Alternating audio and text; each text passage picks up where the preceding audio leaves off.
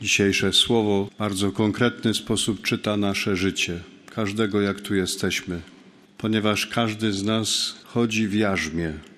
W jarzmie chodzimy my, księża. To pokazywał dawny obrzęd święceń, kiedy jako pierwszy znak objaśniający święcenia biskup neoprezbitorowi zakładał stułę i zakładał ją na krzyż, żeby ksiądz pamiętał, że kapłaństwo jest jarzmem. Jarzmem jest małżeństwo, w którym żyje pewnie absolutna większość z Was.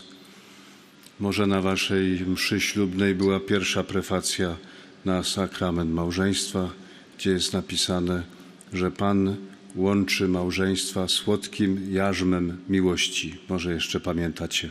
Więc wszyscy wchodzimy w jarzmie. Jarzmem jest wiara. Prorocy jak Jeremiasz, Izajasz mówią, że wierzący człowiek wchodzi w jarzmie Pana, niewierzący chce je zrzucić.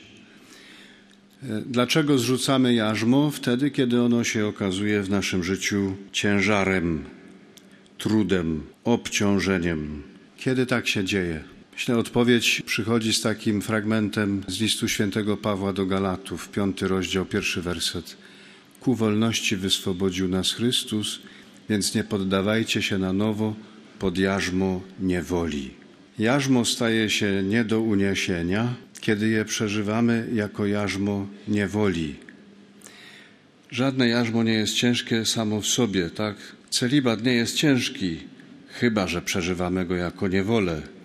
Ale jeśli przeżywamy go jako charyzmat od Pana, nie jest ciężki. Żadna praca na żadnej parafii nie jest ciężka, chyba że jest niewolnicza.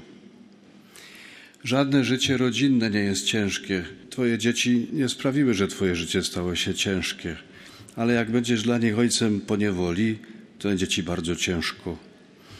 Albo żyjemy swoim jarzmem z Chrystusem, który nas wyzwala ku wolności, albo żyjemy naszym jarzmem jak niewolnicy.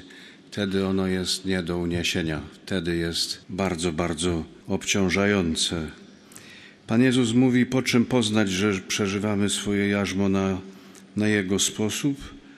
Ano po tym, że nosząc je jesteśmy cisi i pokornego serca. To znaczy nie wrzeszczymy dookoła, jakie jest ciężkie i nie wynosimy się nad innych, kiedy je nosimy. Jesteśmy cisi i pokorni w noszeniu swego jarzma, wtedy wiadomo, że nosimy je na sposób Jezusowy. Tego wszystkim Wam życzę. Amen.